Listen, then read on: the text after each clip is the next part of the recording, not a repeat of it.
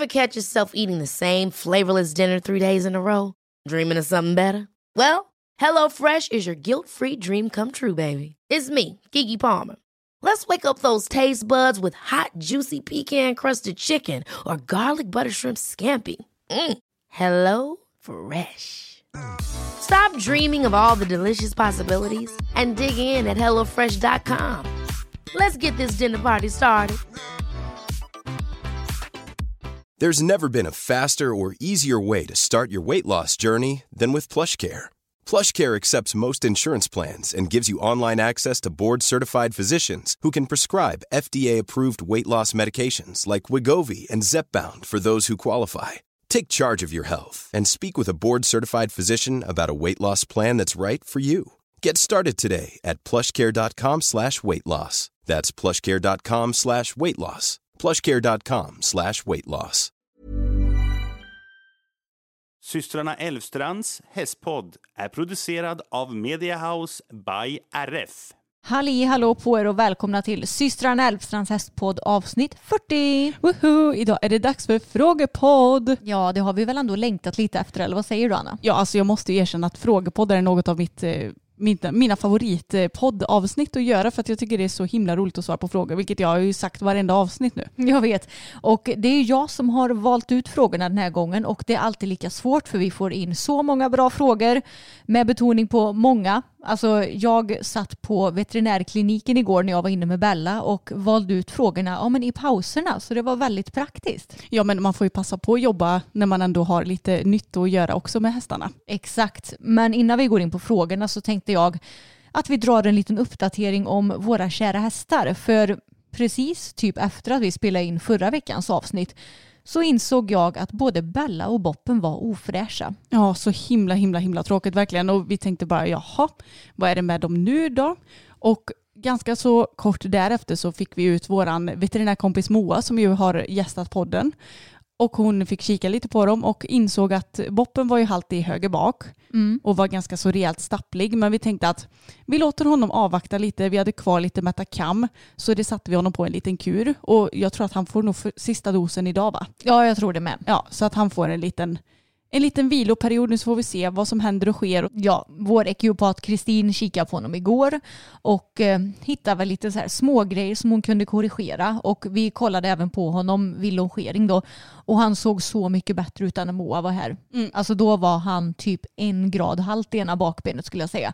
Men nu var han bara lite, lite stapplig. Och det är svårt med honom för han är 23 år gammal, jättestor, har shivering så det är svårt att säga ibland vad som är normalt och vad som inte är normalt. Men han ska ju liksom inte vara en grad halt om man säger så. Nej, verkligen inte. Och sen så är det också så svårt för jag menar, han har ju sin shivering så att skulle vi åka in med honom till veterinären, jag vet inte riktigt vad de hade kunnat se ärligt talat. Nej, det är lite klurigt. Men jag tror att han är på bättringsvägen i alla fall. Kanske att han fick någon liten sträckning eller eh, Kristin misstänkte att han kanske har råkat typ ja, men sätta sig på något konstigt sätt i hagen kanske så han har råkat rotera sitt bäcken lite eller något sånt där för hon korrigerade lite grann uppe i bak på ryggen vet jag. Mm. Men det verkar som han är på bättringsvägen i alla fall så jag tror inte att det är någon större fara med honom. Nej, om det inte blir bra så får vi väl kika upp honom lite extra. Det får vi göra. Men Bella däremot är det ju lite värre med. Och innan förra hoppträningen så märkte jag när jag värmde upp att nej, det är någonting som känns galet. Och Sten sa också att hon såg knackig ut. Och sen när Moa var här så tyckte hon också att hon såg knackig ut, nästan lite diagonalt eller vad man ska säga. Så jag valde att boka in en tid till Husaby och åka in och kika på henne och göra en hältutredning. Och hennes diagnos då, det är inflammation i karpalsenskida och karpalleder vänster fram. Och eh, det innebär ju då för oss som inte kan veterinärspråk vänster framknä. Och det konstaterades ju genom att vi först gjorde ett böjprov och där visade hon liksom ingen skillnad eller vad man ska säga. Veterinären såg att hon var halt vänster fram då Mm. med en gång och det var hon både vid longering och eh, ja, men på rakt spår. Det blev ingen skillnad när vi gjorde böjprov. Och sen så släcker man ju då ner respektive led, alltså att man bedövar respektive led nerifrån och upp för att se om det blir bättre. Och då upptäckte vi när vi hade bedövat knäleden att det blev bättre men inte helt bra. Och det är för att hennes skada sitter ju lite mer på sidan av benet där kanske bedövningen tar lite grann men inte helt och hållet. Förstår du? Ja just det, så att då, hon har typ i två leder då eller? Ja, jag vet inte, det är ju senskida och karpalleder. Ja okej. Så jag tror bedövningen släckte ner lite grann men inte allt. Mm. Och eh, hon var ju i början också lite knackig i ena bakbenet. Men det försvann när hon hade värmts upp lite eller vad man ska säga. Så veterinären var väl inte speciellt orolig för det. Sen så var Bella också ganska um i ländryggen på höger sida så hon blev behandlad med stötvågor där. Men det är ju bara muskulärt verkar det som. Och så blev hon ju då behandlad i leden då för sin inflammation där. Och jag blev alltså lite förvånad över den här diagnosen. Och eh, det är klart att det är absolut ingen hemsk och farlig diagnos kanske. Men ni som har lyssnat på podden, ni vet ju om att vi, vi undviker ju att spruta våra hästar så mycket som det går. Och det är ju också därför som vi rider så himla varierat. Har hästar på lösdrift för att vi ska kunna förebygga sådana här typer av skador. Exakt, men sa veterinären att eh, ja men nu har du ridit sönder din häst eller vad trodde hon om det? Nej, jag var ju lite uppgiven, uppgiven så jag sa det till henne att alltså det här känns ju skit på ett sätt för jag gör ju verkligen allt för min häst och det känns som att vad fan kan jag göra annorlunda sa jag till henne. Hon bara ja men du får tänka på att det här är en stor häst och hon är ju byggd egentligen lite i framåtvikt och det hela blir ju bättre och bättre. Nu har hon ju mycket större rumpa än vad hon hade förut så jag tror och hoppas på att med tiden när hon blir starkare så kommer hon kunna lägga mer vikt på sina bakben så att vi kan undvika sådana här sorters skador. Ja men det tror jag. Alltså, jag tror inte att man ska klandra sig själv för hårt när en häst blir skadad. För jag menar, det är ju en grej om man känner sig att oj men jag hoppar ju visst tre gånger i veckan. Jo, Men så är det ju inte riktigt i det här fallet. Nej, alltså vi varierar ju underlag hela tiden. Jag gör ju allt min makt för att hon ska jobba så bra som möjligt i dressyren. Hon går på lösdrift. Alltså jag känner verkligen det finns fan inget annat jag kunnat göra annorlunda för att få henne mer hållbar. Nej. Hon går till ekiterapeut flera gånger om året, ekiopat en gång i månaden. Så ja, vad, vad finns det mer jag kan göra? Ingenting tror jag. Nej jag tror inte det heller. Nej. Men finns det något som veterinären sa som kan vara förebyggande nu då för att det ska ske igen eller? Nej, egentligen inte. Nej. Utan nu har hon blivit behandlad en gång. Veterinären sa att den här typen av skada kan ofta behöva två behandlingar. Så nu ska hon skrittas i två veckor till. Sen ska jag in med henne på ett återbesök. Och eh, då får vi se om det har blivit bättre, om hon behöver någon mer behandling. Förhoppningsvis så har inte någon, något annat kommit fram nu när hon har blivit behandlad här. Man vet ju inte, ibland när man behandlar någonting så kanske själva grundorsaken kan komma fram. Kanske att hon har varit dålig på något annat ställe så att hon har avlastat. Det vet man ju inte riktigt heller. Jag hoppas ju inte på det utan jag hoppas ju på att det är det här som har varit problemet från början så att vi har fått det löst. Mm, det hoppas verkligen jag också. Det är så jäkla tråkigt när hästen blir skadad och det är så segt med inflammationer också för att man är ju rädd att det ska komma tillbaka också såklart. Ja exakt, men det måste ju behandlas för inflammationer kan ju ge typ artros och sånt där. Mm. Eller eh, kanske pålagringar också om de har eh, inflammationer länge eller många. Så det gäller att försöka undvika det så gott man kan.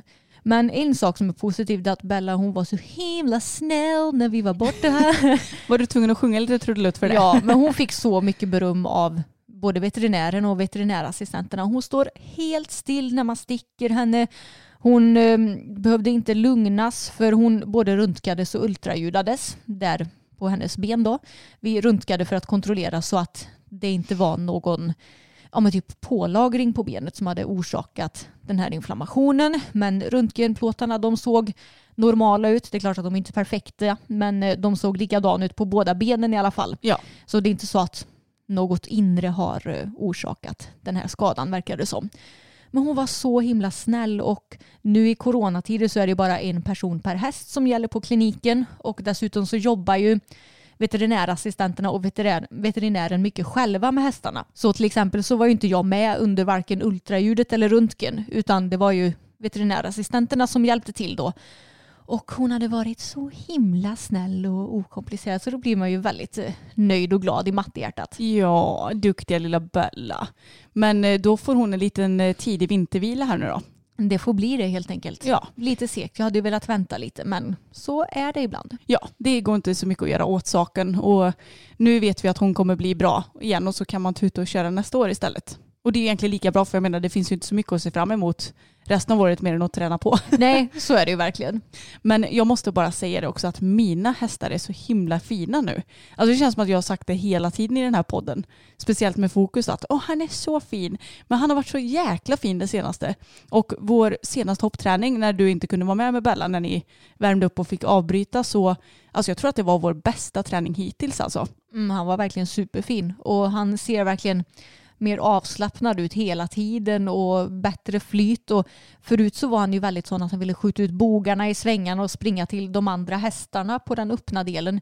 Men sån har det inte varit någonting de senaste två träningarna. Nej jag vet och det roliga är att jag insåg det för jag tränade mentalt för Anna också nyligen och då så sa hon det att oj vad han flyter ut i svängarna. Han har inte riktigt eh, kroppskontroll och han lyssnar inte helt hundra på dig så att där har du ett problem med ridningen va? Och jag bara eh, ja. Så att det kan ju verkligen bli mycket mycket bättre också både mentalt och eh, träningsmässigt. Men det känns så roligt och jag är så peppad på att träna på nu inför att han ska få lite vintervila sen. Det är ju skönt att vi har två fungerande hästar i alla fall. Verkligen. Vi har gått från fyra till två väldigt fort. Ja, men snart så blir de fyra igen. Ja, jag tror det. Men anledningen också till att jag inte trodde att det var en inflammation, det var ju för att det här knackigheten den kom ju verkligen på en dag. Mm. Alltså jag har inte märkt av det någonting. Hon har inte varit halt någonting. Men Moa sa att det kan ju hända att det här har liksom kommit lite successivt och sen kanske att hon har gjort någonting i hagen som har orsakat liksom ett litet trauma för kroppen och att det har kommit fram då. Precis, och det är kanske är lika bra det än att man ska bygga upp det under ännu, ännu längre tid och att Mm. det blir kanske mycket värre och att det hinner kanske bli någon rejäl skada, typ artros eller någonting av det. Ja, men exakt. Så jag vet ju om att hon inte har haft den här skadan länge för vi vetcheckade dem ju för bara några månader sedan och hon kollas ju regelbundet av Charlotta till exempel som också ser om någon häst är halt och sådär. Så ja, men det känns skönt att vi upptäckte skadan i tid så vi kan göra något åt det och så får jag bara försöka ja, träna på så varierat som möjligt. Kanske ska jag ut och klättra lite i skogen mer så hon får eh, använda sina bakben ännu mer. Ja, men det tycker jag. Mm, så hon får träna upp det. Det är för övrigt skönt att ha en, veterinär, en veterinärkompis för jag har fått lite pepp av Moa nu för jag var ju lite uppgiven. Men Moa sa det ska du inte vara.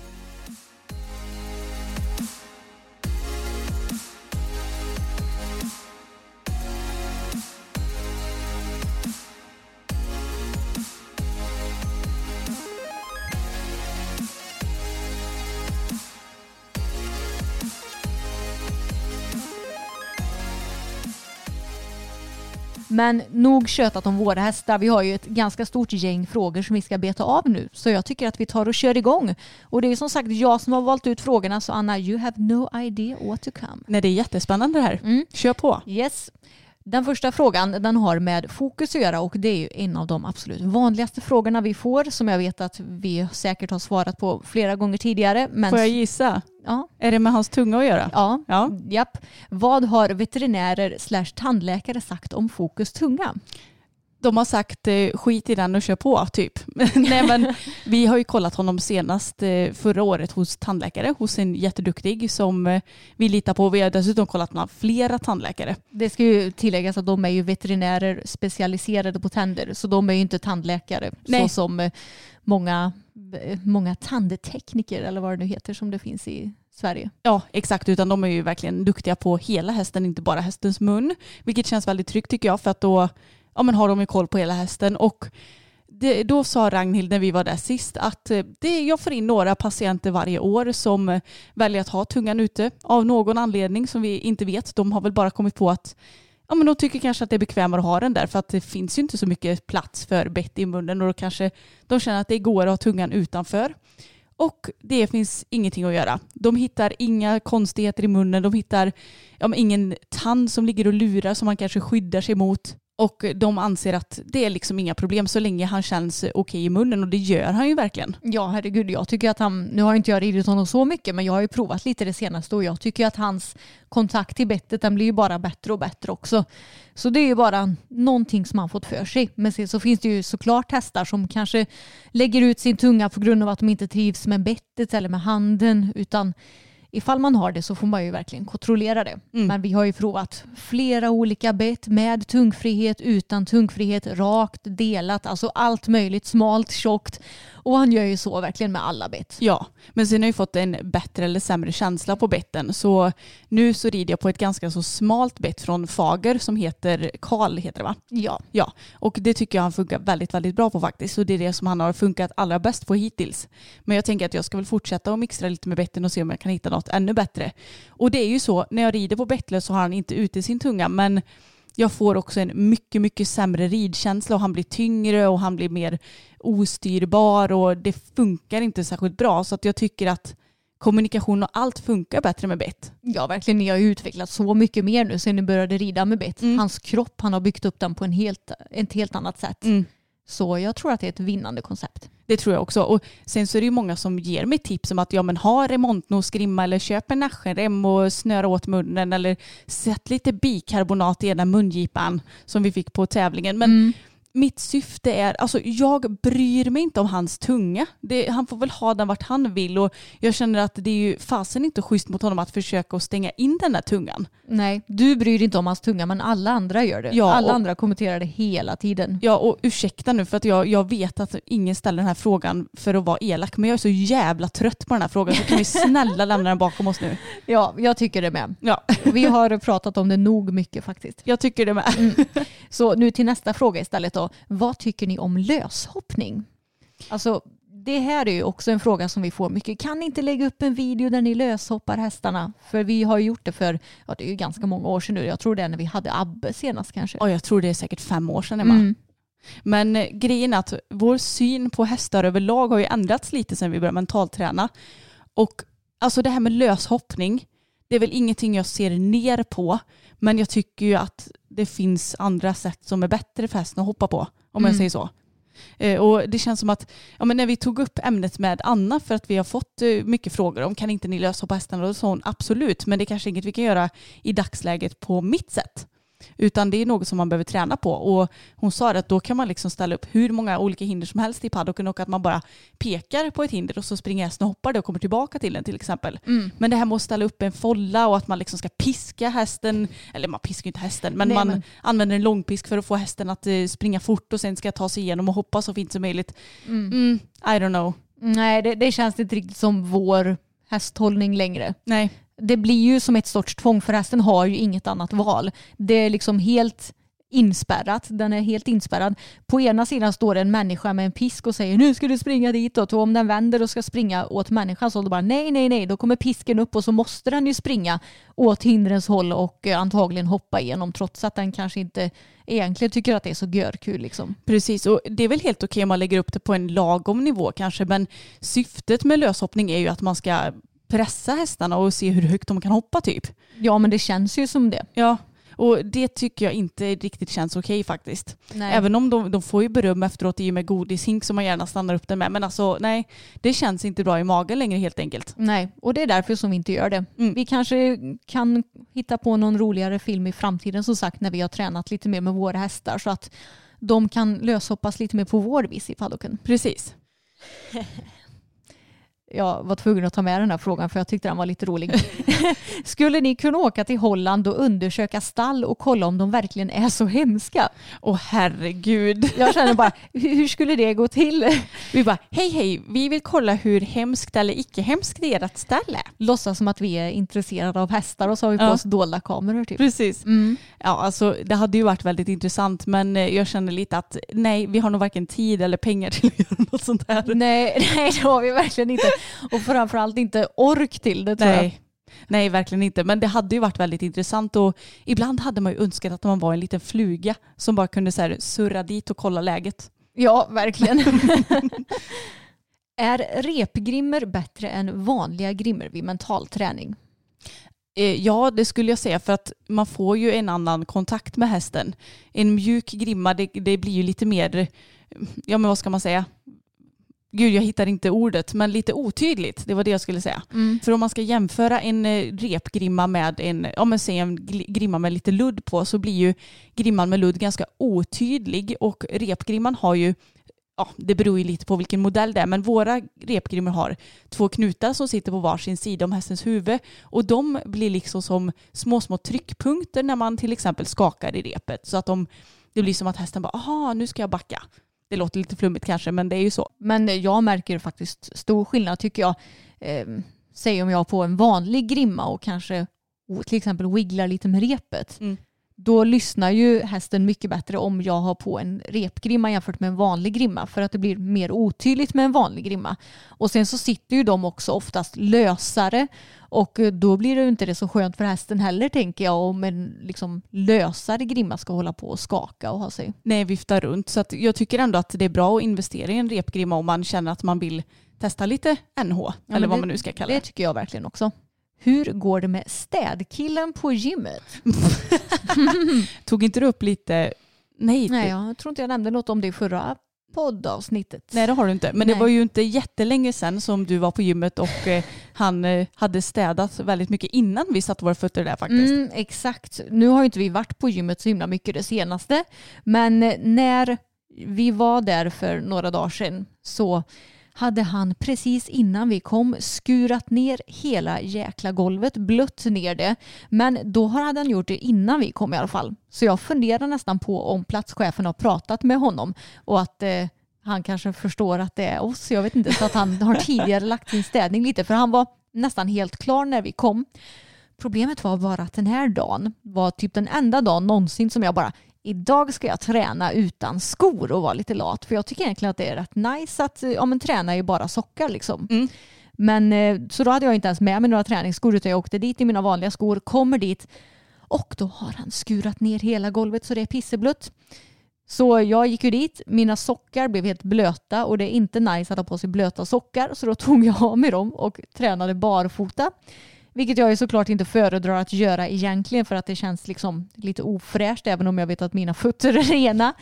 Men eh, ja, så då hade ju han blött ner hela golvet och jag kan säga att det hjälpte ju verkligen inte att städa för mina fötter var typ helt bruna eller svarta efteråt för att det var så sketet och mina strumpor också för den delen. Så jag vet inte om han typ städar golvet med lervatten eller något sånt där eller vad han pysslar med för det gör ju inte någon effekt i alla fall. Det är en sak som är säker. Ja men grejen är att jag tror att problemet är att många går säkert in med sina skor som de har haft utomhus och så tränar de inomhus. Även om de kanske inte är jätte, jättesmutsiga så är de lite smutsiga.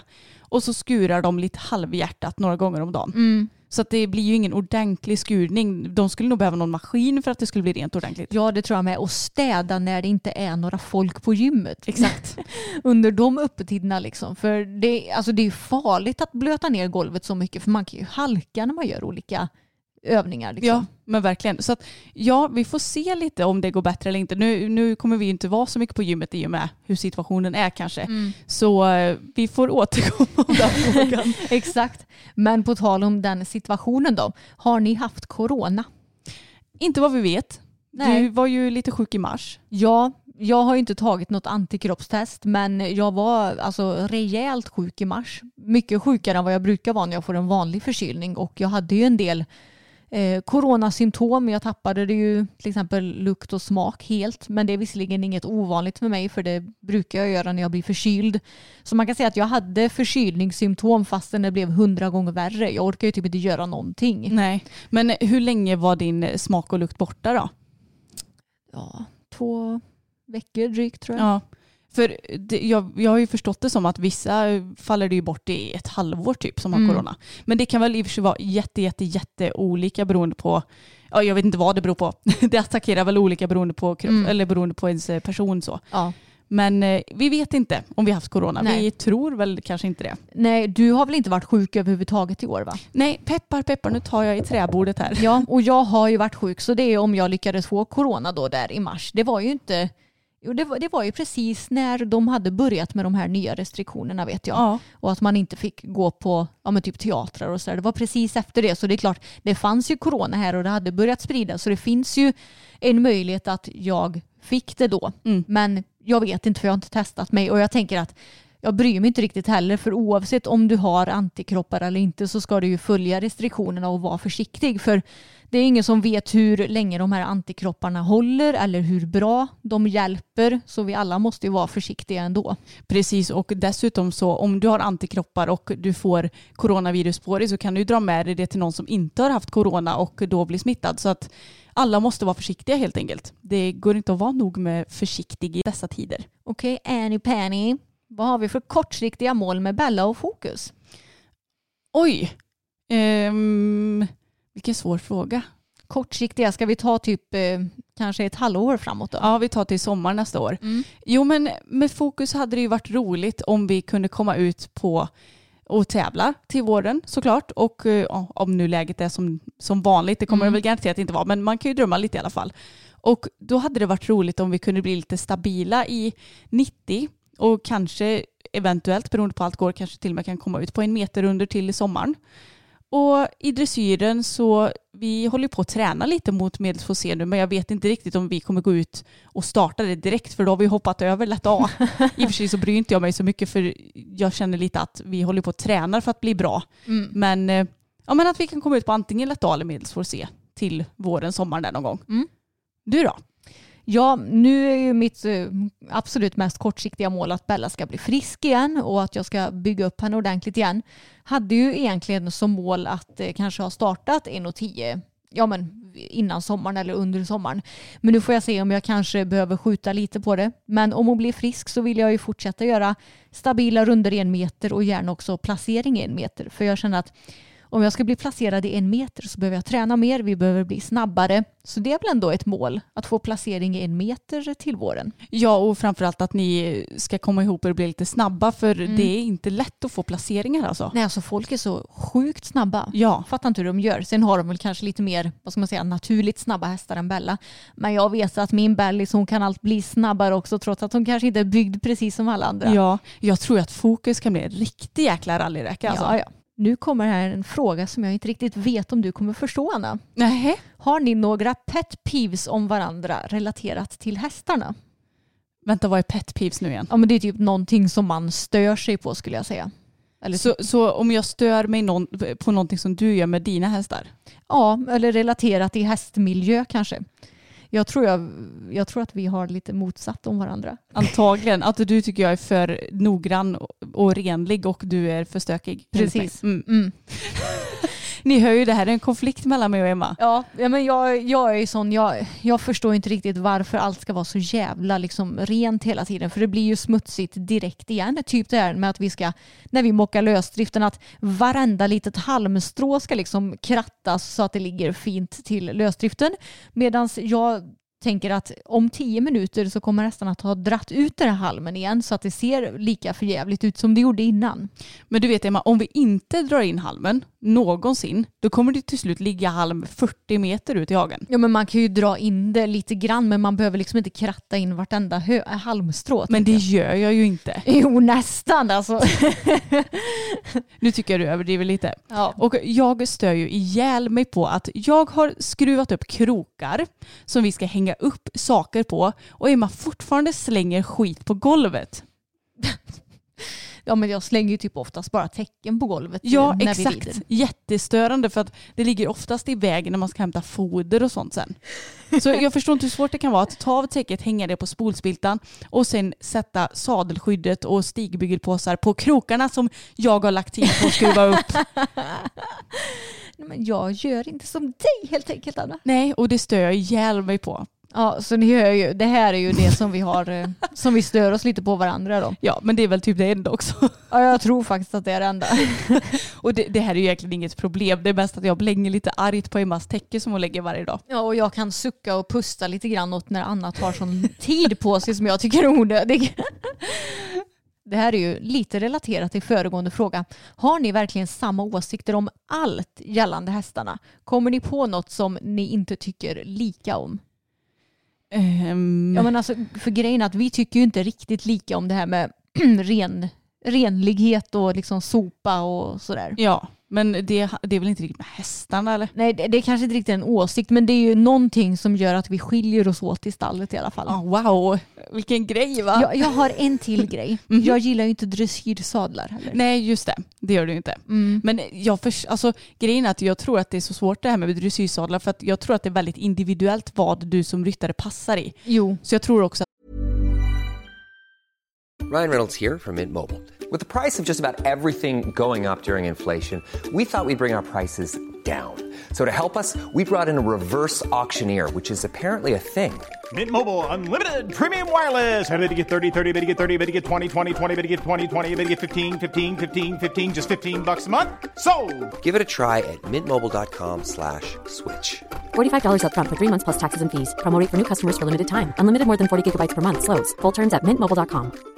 Many of us have those stubborn pounds that seem impossible to lose, no matter how good we eat or how hard we work out. My solution is PlushCare. PlushCare is a leading telehealth provider with doctors who are there for you day and night to partner with you in your weight loss journey. They can prescribe FDA-approved weight loss medications like Wagovi and Zepbound for those who qualify. Plus, they accept most insurance plans. To get started, visit plushcare.com slash weight loss. That's plushcare.com slash weight loss. Hade du hittat en sadel där du, din rumpa får plats framförallt mm. då att du känner att om du känner dig stabil i den, då tror jag att du hade älskat dressyrsadlar också. Jo, kanske. Men grejen är att om jag rider andra hästar och om jag provar att rida i en ny hoppsadel, det är ju nästan aldrig som jag bara åh fy, öh, det här går inte. Det är om den är typ så 17 tum eller 16,5 tum och jag verkligen inte får plats i den. Men dressyrsadlar så, alltså det har kanske funnits en dressyrsadel under mina år som ryttare som jag har gillat liksom. Ja. ja, men det, jag tycker det är mycket svårare med dressyrsadlar. Man accepterar nog hoppsadlar lite bättre för att ja, men, i hoppning så är det ju inte 100% så här du måste sitta så här. I dressyren så är det ju lite mer noga med det där.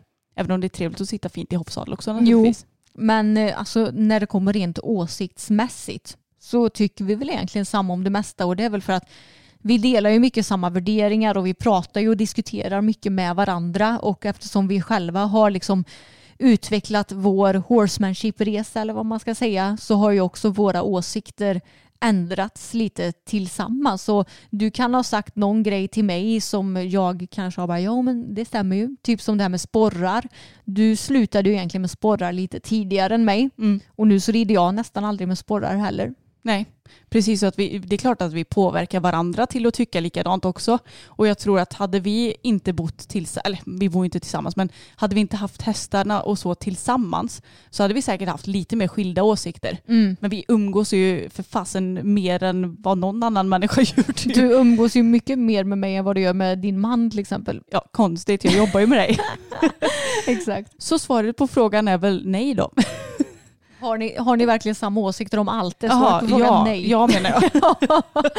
Exakt. Hur stor är vikten av att hoppa högt? Har höjden någon betydelse?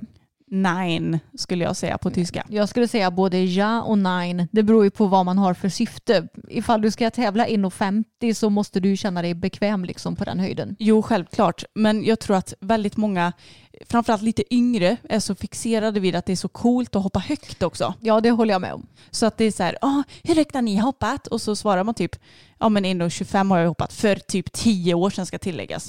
Så, och då blir det så här, ah, ah, inte högre än så. Nej, för att jag ser inget syfte i det när jag tävlar en meter som max. Nej, jag vet. Nej, det, det, det här stämmer verkligen att det är många som ser prestige i att ha hoppat höga hinder. Och det tycker vi verkligen inte att höjd har någon betydelse. För har du lyckats kravlar du över ett hinder på 1,40 så gör det ju dig inte till en duktig hoppryttare liksom. Nej, och jag skulle säga att det är väl mycket häftigare i så fall att ta sig över ett hinder på en meter som man kommer över med, eh, man kommer rätt på hindret, man känner att man har självförtroendet med sig, man, eh, ja men sitsen är med in och alltihopa, än att man ska med hjärtat i halsgropen kravla sig över 1,40 som man kanske inte kommer helt hundra på, man typ blundar över hindret, Eh, man har inte sitsen med sig för att man typ bara tänker att jag ska överleva det här hoppet. Nu kanske inte alla som tänker så, men jag hade ju tänkt som jag hade styrt på ett Ja. 1,40 hinder. Så jag vet inte, just när det kommer till det här med höjd hoppningsprestigen, det, då säger jag att nej, höjden spelar ingen roll. Nej, vi får ju också väldigt många frågor ifall vi inte kan göra höjdhoppningsvideos med våra hästar. Ja, Och nej, det, det kommer vi inte göra. nej, för vi ser absolut inget syfte i det. Nej, det finns ju inget syfte med det. Tycker jag i alla fall. Nej, jag tycker inte det heller. Mer än att det är klart att det, det är självklart att det är roligt att titta på så här höjdhoppningstävlingar, typ eh, när de riktiga ryttarna, riktiga ryttarna, när elitryttarna hoppar, ja men fasen 2,50 eller vad de nu hoppar. Men samtidigt så är det också så här, varför gör de det? Varför ska hästarna hoppa? Onödigt slitage för Ja. hästen och utsätter dem för större risker och allt vad det nu kan vara. Ja, så jag tror på att man bygger upp det successivt. Ja men det tror jag med. Och grejen är att det spelar ingen roll om du kan hoppa ett hinder högt. Det svåra är ju att hoppa en hel bana högt. Mm. Och allra svårast är att hoppa en hel hög bana med liksom bra rytm och tempo och flyt och allt vad det nu kan vara. Ja, och med alla svårigheter som det blir, för det blir ju också väldigt mycket svårare banor ju högre hindren blir. Mm. Så att det är ju det som är det häftiga, att man kan sätta ihop det. Precis. Så vårt råd är att hoppa ja, men bana och hinder på de höjderna som du är bekväm med. Och Mm. försök inte att tänka på vad andra gör utan lyssna till dig själv och det som känns bekvämt för dig. Hur såg det ut när ni skulle lära era hästar mentalträning? Typ hur förstod de backa kommando? Ja, första gången vi skulle göra jojo-leken som den ju heter så sa eller alla våra hästar sa ungefär vad fan vill du? Satte hovarna stenhårt i backen och typ höjde huvudet. Och då får man ju bara hålla på tills de tar ett litet, litet steg bakåt och då släpper man allt. Och det, det ser kanske inte jättetrevligt ut i det första för att de ser extremt obekväma ut och förstår ingenting. Men det är ju första steget till att faktiskt förstå varandra också. Mm, precis, jag tror att många hästar kan vara väldigt oförstående i början. Det är klart det blir ett helt nytt kommando. Hur ska de kunna veta vad det betyder? Mm. Men efter några gånger så brukar det hela falla på plats. Jag måste nysa.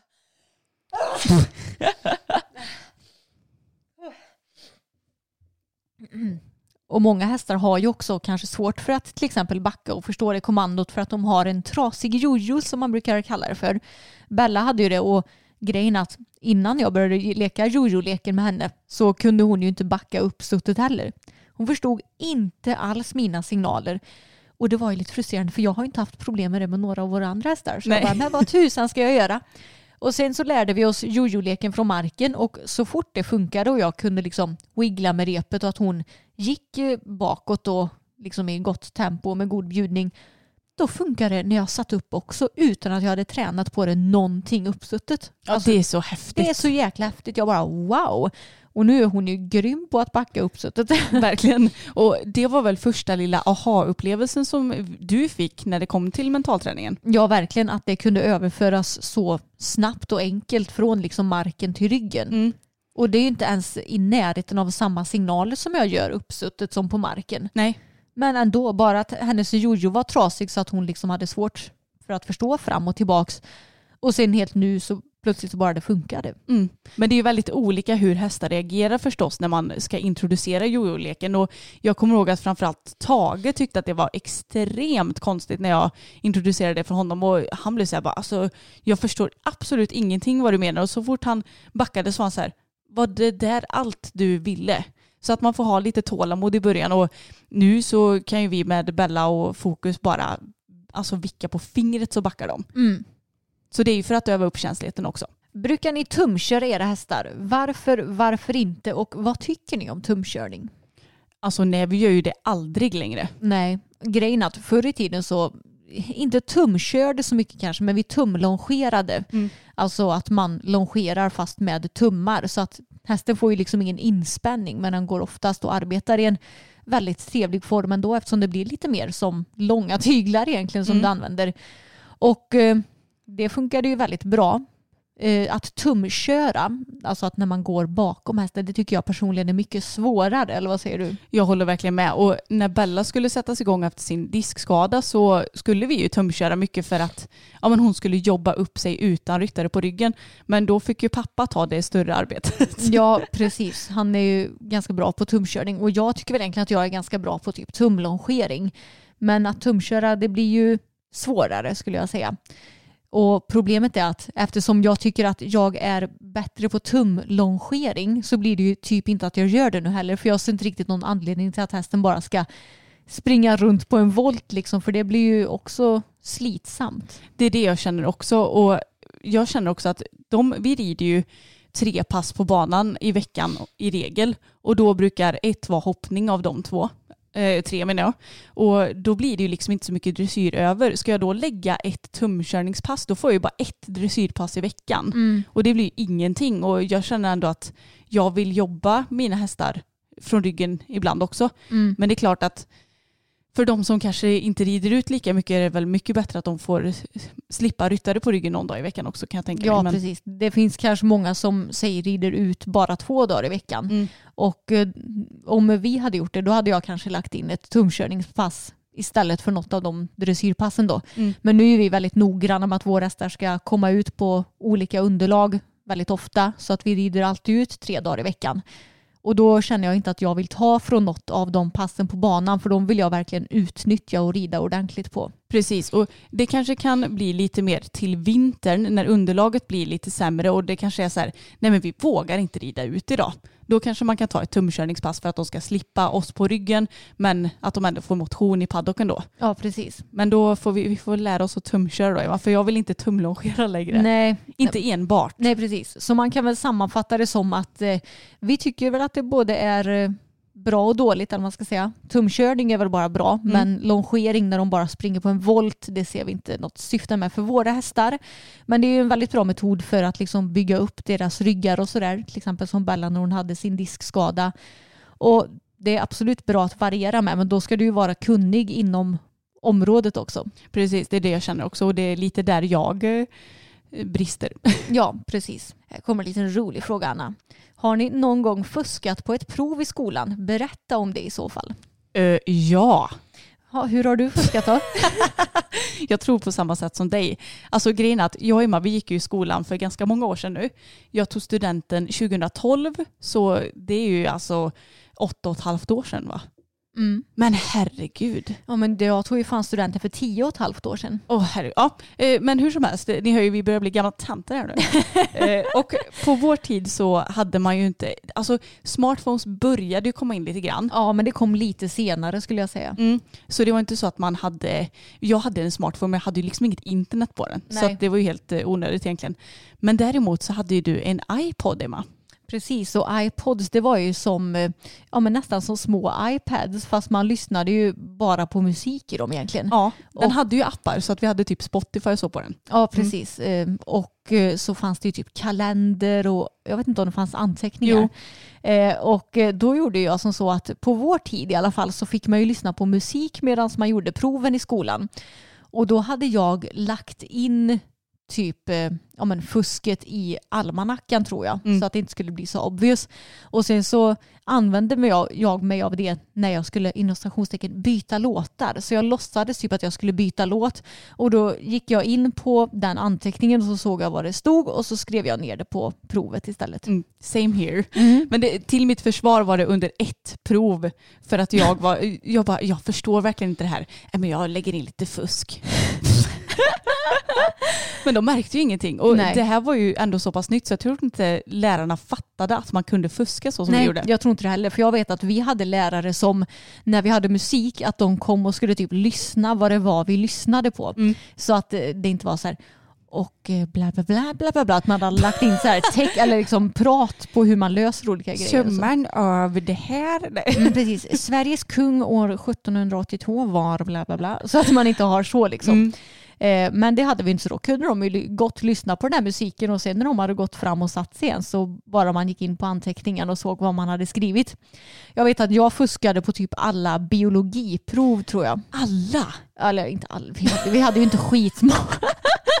Nej men det var en del så här, jag gick ju naturvetenskapliga programmet och jag hade as svårt för typ matte och fysik och sådär. Och det kan man ju kanske inte direkt fuska på på samma sätt för det kommer ju alltid Nej nya tyvärr. det kommer alltid nya tal och sådär. Så då fick man ju lägga ner typ all energi för att eh, klara av de proven. Och då när man skulle ha bara ett vanligt tråkigt biologiprov, då kunde man istället skriva ner det som man visste innan det. Så att man bara kunde lite lätt eh, fixa de proven istället. Ja. ja, herregud. Nej, nu låter det som att vi har fuskat extremt mycket. Det tror jag inte att vi har. Men Nej. däremot så, ja, men det är ju det här som jag verkligen minns att jag gjorde. Sen så tror jag att jag har fuskat på något mer prov, men jag minns inte hur jag gjorde riktigt. Alltså man har fuskat lite grann, typ försökt kika på vad någon annan har skrivit. Men grejen är att ja, skryt, skryt, skryt. Men jag var ju ganska bra, eller jag var väldigt bra i skolan när jag var liten så jag behövde ju aldrig direkt kolla på någon. Och eh, sen, sen när jag började på högskolan, alltså det går inte att fuska då. Nej, det är ju helt annat. Mm. Men eh, jag vet bara ångesten efter man hade haft ett prov och man stod och diskuterade det, framförallt när det kom till matten av min del, för det är ju min absolut sämsta sida. Mm. Och så bara, vad skrev du på, eh, på fjärde frågan? Och så hade man helt Ja. åt helvete och åt någon annan och så bara, nej. ja, det ska man inte göra. Nej. Nej, så vi har ju fuskat lite grann för att vi har varit lata helt enkelt. Ja, verkligen. Vi, vi tyckte väl att det var kuligare att vara i stallet med hästarna än att studa på till lite trökiga prov. Så var det verkligen. Ja, men jag tror inte att jag har fuskat någon gång på typ mellan och högstadiet. För där behövde jag aldrig fuska. Nej. Ja, ja, nej, det var nog gymnasiet som jag Ja. också fuskade på. Ja, men det, som sagt, det var naturkunskap B gick jag ju och då Mm. var det, det var väl något Ja, ämne du, där du som var ju, tråkigt. Biologi, det var ju precis det jag fuskade i också. Ja, undrar om det var biologin. Ja, Eller om det var kemin, jag kommer inte ihåg. nej, det var biologi som jag fuskade i i alla fall. Fick jag MVG i biologi? Nej, jag fick bara VG så jag vet inte hur bra de där fusken eh, lyckades med. Men jag behövde i alla fall inte studera till proven så det var ju gött för mig. Ja, jag fick ju då MVG i natur B i alla fall. Ja, men jag fick MVG i miljökunskap och sånt där och det var ju samma lärare så. Jag saknar skolan nu när vi pratar om det. Ja, det är så kul. men Jag saknar också skolan. Ni som går i skolan, ta tillvara på tiden. Ja, och fun fact, det här vet ni ju kanske om ni har lyssnat på avsnittet om Samuel, men jag och Samuel vi lärde ju faktiskt känna varandra i skolan, för vi gick samma klass i gymnasiet. Så man kan hitta sin man där också om man Ja. har tur. Det kan man. Jag skulle tycka det var spännande att höra mer om era tankar kring att avla på Bella när hon inte är inom korrekt byggd. Och jag tänker att alltså det kanske inte finns speciellt många hästar som är helt perfekt byggda eller vad man ska säga. Och om jag ska avla på Bella så vill jag ju verkligen välja en hingst som är korrekt byggd och som väger upp hennes svagheter. Ja, och som har det som Bella inte har. Ja, men exakt. Och jag tror ju snarare att det kan vara bra att avla på hästar som är ja, men coola i huvudet och bra i huvudet så att vi kan få fram lite trevliga hästar. Och sen behöver de kanske inte vara helt korrekt byggda. Men jag menar, hur många finns det inte som avlar på ston som har typ eh, kissing spines och sådana röntgenförändringar? Bella har ju inget sådant vad vi vet i alla fall utan det är ju inget fel på hennes ben och det verkar inte vara något fel på hennes liksom, rygg och så heller. Så hon är ju korrekt på så vis. Men sen så är det klart att man hade önskat att de kanske kunde vara lite nättare och lite mindre framtung. Men då får man väl välja en hingst som inte är detsamma tänker jag. Har ni fått något inom stationstecken hat av dressyrryttare eftersom vi brukar kritisera den sporten? Nej, det har vi inte. Nej, det har vi faktiskt inte. Inte vad jag vet i alla fall. Nej. Inte direkt till oss. Men jag känner också att det finns väl inte så himla mycket eh, att kritisera av det vi säger.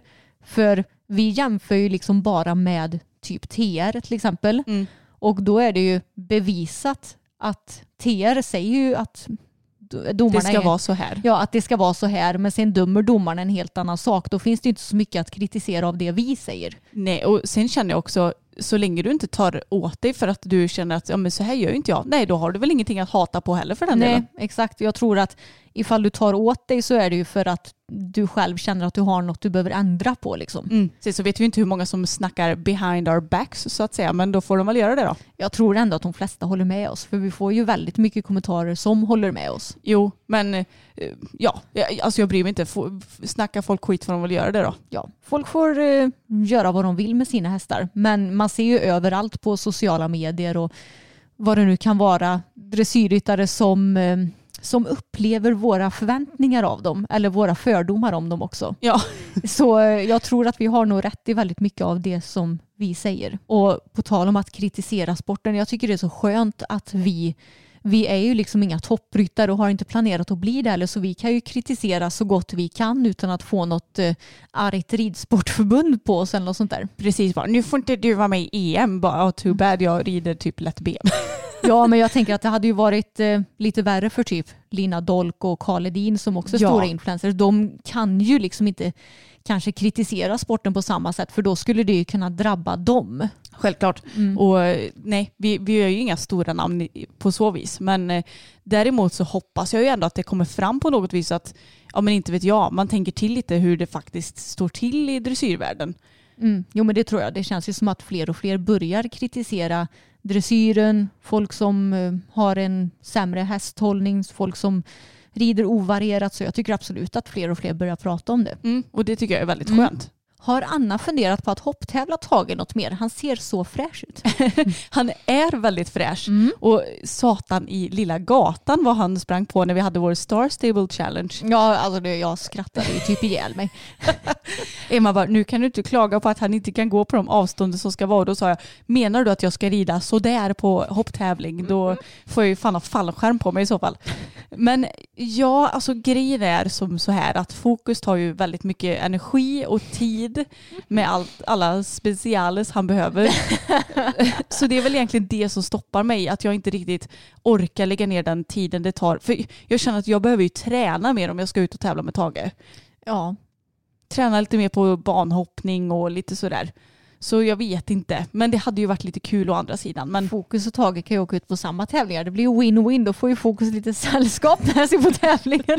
ja, men han kommer bli helt knäckt när Tage ska gå ut transporten bara. Jo, jag vet. Men Tage, ja, vi får väl se till att Fokus typ startar först då. Ja, men vi kanske hinner träna på det. Det är ju trots allt till våren lär det väl bli då i så fall. Nej men jag vet inte hörni. Alltså jag vet ju att ni vill det och jag vill väl det egentligen. Men det är bara hur mycket orkar jag lägga energin på det bara. Jag vill det också. Du vill. ja, men ut och tävla du då? Ja, jo, jag har ju ingen häst att tävla just nu, men jag hoppas ju på att jag har det till våren. Ja, annat vore väl lite konstigt. Ja. Men eh, ja, to be continued får vi väl säga på den Mm. då. Vad tycker ni är det absolut jobbigaste med ridning? Och nu tänker jag att vi fokuserar på ridningen och inte på själva hästlivet. Um, det var en lite svår fråga. Alltså det som jag kommer på rent spontant det är ju att eh, få bukt på hästarnas oliksidigheter och kanske ens egna oliksidigheter också. För det kan vara så frustrerande om du tränar på att till exempel jobba upp ett svagt höger bakben och att det kan kännas som att det tar sån tid innan du får något resultat på det. Det är väldigt sant faktiskt. För det, det känns som att ja, men, det är ju säkert många som har det så här med sina hästar att de är oliksidiga. Och det, ja, som du säger, det är svårt att veta hur man ska göra och det tar sån tid. Mm. Och jag tycker också det är himla jobbigt att rida när hästarna har en så här riktigt nervig och jobbig dag. Typ att rida boppen i paddocken när han är rädd för exakt allting. Alltså, då blir man ju själv bara så här. Irritationen bara byggs upp och sen måste man försöka släppa det.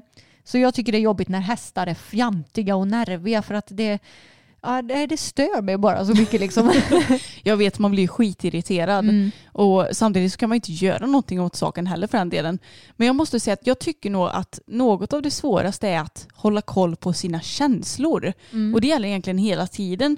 Typ som när jag ska lasta fokus inför tävling så vet jag att jag blir nervös och det är svårt att hålla lite koll på den nervositeten så då blir han mycket mer ja, men stressad, vill inte gå in i släpet och jag vet ju att allt handlar om mig liksom. Och sen att man känner att man måste egentligen vara på topp när man sitter på hästryggen och att man inte alltid är det. Så att, ja, jag tycker att känslor är ganska svårt också. Ja men det är det verkligen. Ibland är det skitsvårt att tygla ett skitdåligt pass för att man vill helst bara lägga sig och grina på backen och ett bra pass istället, då känner man ju att man vill typ eh, skrika och fira med champagne eller någonting med alla sina kompisar. Och det, det är också en helt orimlig reaktion bara, jag är bäst i världen! Ja det är svårt att vara neutral om man är en känslomänniska. Skitsvårt, så att jag får nog säga det, för jag är nog lite mer känslomänniska än vad du är. Det kanske är psykopater som borde syssla med ridning. Jag, känner absolut ingenting, jag har vunnit OS här men ja, det Ja. är, är bra. Det var väl bra. Gud vad kul. Ja, eller? Ja, Ja. antagligen. Jag, jag, jag är nog egentligen för mycket känslomänniska för att vara ryttare men det är också någonting som jag vet att jag behöver jobba på och som jag blivit jättemycket bättre på ska tilläggas. Jo, det har det ju blivit. Även om jag är lite mer psykopatiskt lagd än vad du är. Ja, det är du tydligen. Nej, men det är väl det som vi är svårast då. Vi Vi är, är svårast.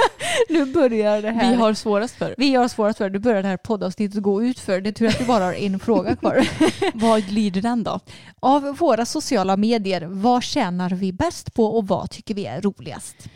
Ja, vi tjänar bäst på YouTube, Mm. vilket kanske inte kommer som en skräll. Nej, för grejen med YouTube är att vi tjänar ju, eh, förutom eh, när vi gör kampanjer på YouTube, alltså att företag marknadsförs i våra kanaler så tjänar vi också pengar på annonsintäkter. Och det gör vi ju inte på någon av våran annan social media. Alltså lägger vi upp en bild på Instagram så får vi ju inga pengar för det så länge vi inte gör reklam för någonting. Exakt, så att eh, YouTube tjänar vi ju bäst på.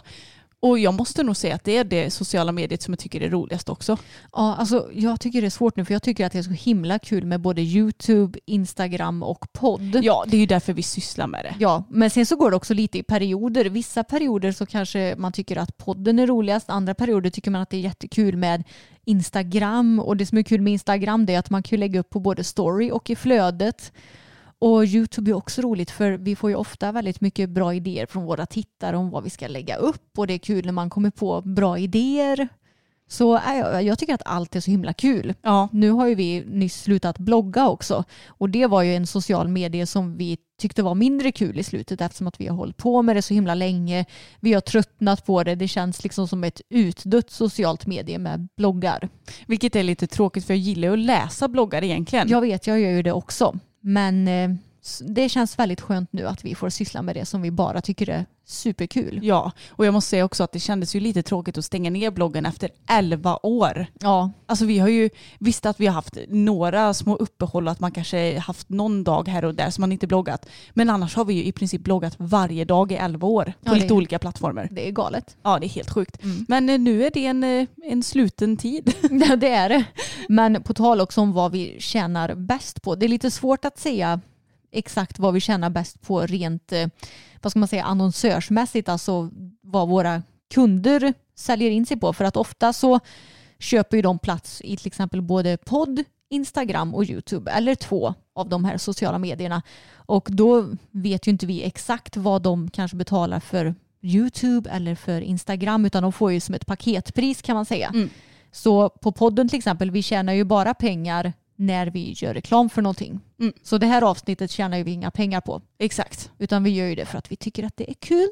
Precis, och eh, det är ju Rebecka som styr alla våra samarbeten också ska tilläggas. Ja. Så det är hon som förhandlar med priser och sånt och Mm. vi är så otroligt glada att ha henne alltså. Mm, vi är så tacksamma. Hon gör vårt jobb så mycket lättare och gör ju också att vi kan tjäna mer pengar nu för vi är ju asdåliga på att liksom förhandla. Vi har inte riktigt vetat vad vi ska kunna ta betalt men Rebecka hon har ju utbildning inom det hela. Hon är ju liksom proffs på det hon gör. Hon är riktigt grym. Så det är så skönt. Hon kan sköta allting nu som vi har svårt för och som vi är dåliga på. Och så kan vi bara göra det som vi tycker är kul, det vill säga att producera content. Mm. Så Rebecka är grym. Tack Rebecka om du lyssnar på det här, vilket jag tror du gör. Ja men das var alles. Tycker du att jag valde ut bra frågor? Jättebra fråga Eva. Mm, vad bra. Det hade ju varit lite jobbigt om du tyckte att jag hade valt ut dåliga frågor. Ja, det här var ett riktigt skitavsnitt Emma. ja, förlåt då. Nej, jag tyckte det var kul och det kändes som att det kom in lite nytt också. Vilket var roligt. Ja, vi får ju ofta in väldigt mycket liknande frågor. Så om ni har ställt en fråga som ni inte har fått svar på, se till att lyssna igenom våra gamla poddavsnitt och även lyssna igenom då de gamla qa avsnitten För jag vet att vi har svarat på en hel del av de här frågorna tidigare i podden. Ja, och jag vill också bara förvarna om att vi kommer ju med all säkerhet att råka och upprepa oss med lite frågor och sånt. Men jag menar, vi kan ju inte minnas exakt allt vi svarar på heller. Nej, och vill ni ha info om våra hästar till exempel så har vi en höjdpunkt på vår Instagram som heter våra hästar tror jag. Och Mm. där står liksom all grundläggande info om dem. Ålder, mankhöjd, stam, när vi köpte dem, vad våra planer är, alltså vad de gör idag, vad de har gått. Mm. Lite sånt där. Så gå gärna in och kika på den. Men eh, tack så jättemycket för att ni har lyssnat på ännu ett avsnitt och eh, vi hörs igen nästa vecka. Det gör vi. Glöm inte bort att prenumerera på vår YouTube-kanal och följ oss på Instagram heller där vi heter systrarna Elfstrand. Precis, ha det så gött allihopa. Hej då!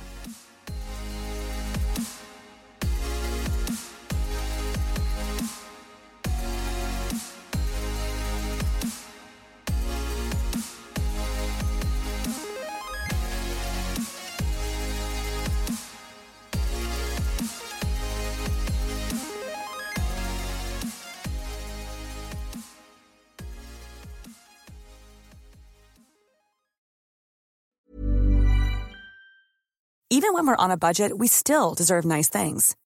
Quince is a place to scoop up stunning high-end goods for 50 to 80% less than similar brands. They have buttery soft cashmere sweaters starting at $50, luxurious Italian leather bags, and so much more. Plus, Quince only works with factories that use safe, ethical, and responsible manufacturing. Get the high-end goods you'll love without the high price tag with Quince. Go to quince.com slash style for free shipping and 365 day returns. Mom deserves the best, and there's no better place to shop for Mother's Day than Whole Foods Market. They're your destination for unbeatable savings, from premium gifts to show-stopping flowers and irresistible desserts. Start by saving 33% with Prime on all body care and candles. Then get a 15-stem bunch of tulips for just $9.99 each with Prime. Round out Mom's menu with festive rosé, irresistible berry chantilly cake, and more special treats. Come celebrate Mother's Day at Whole Foods Market.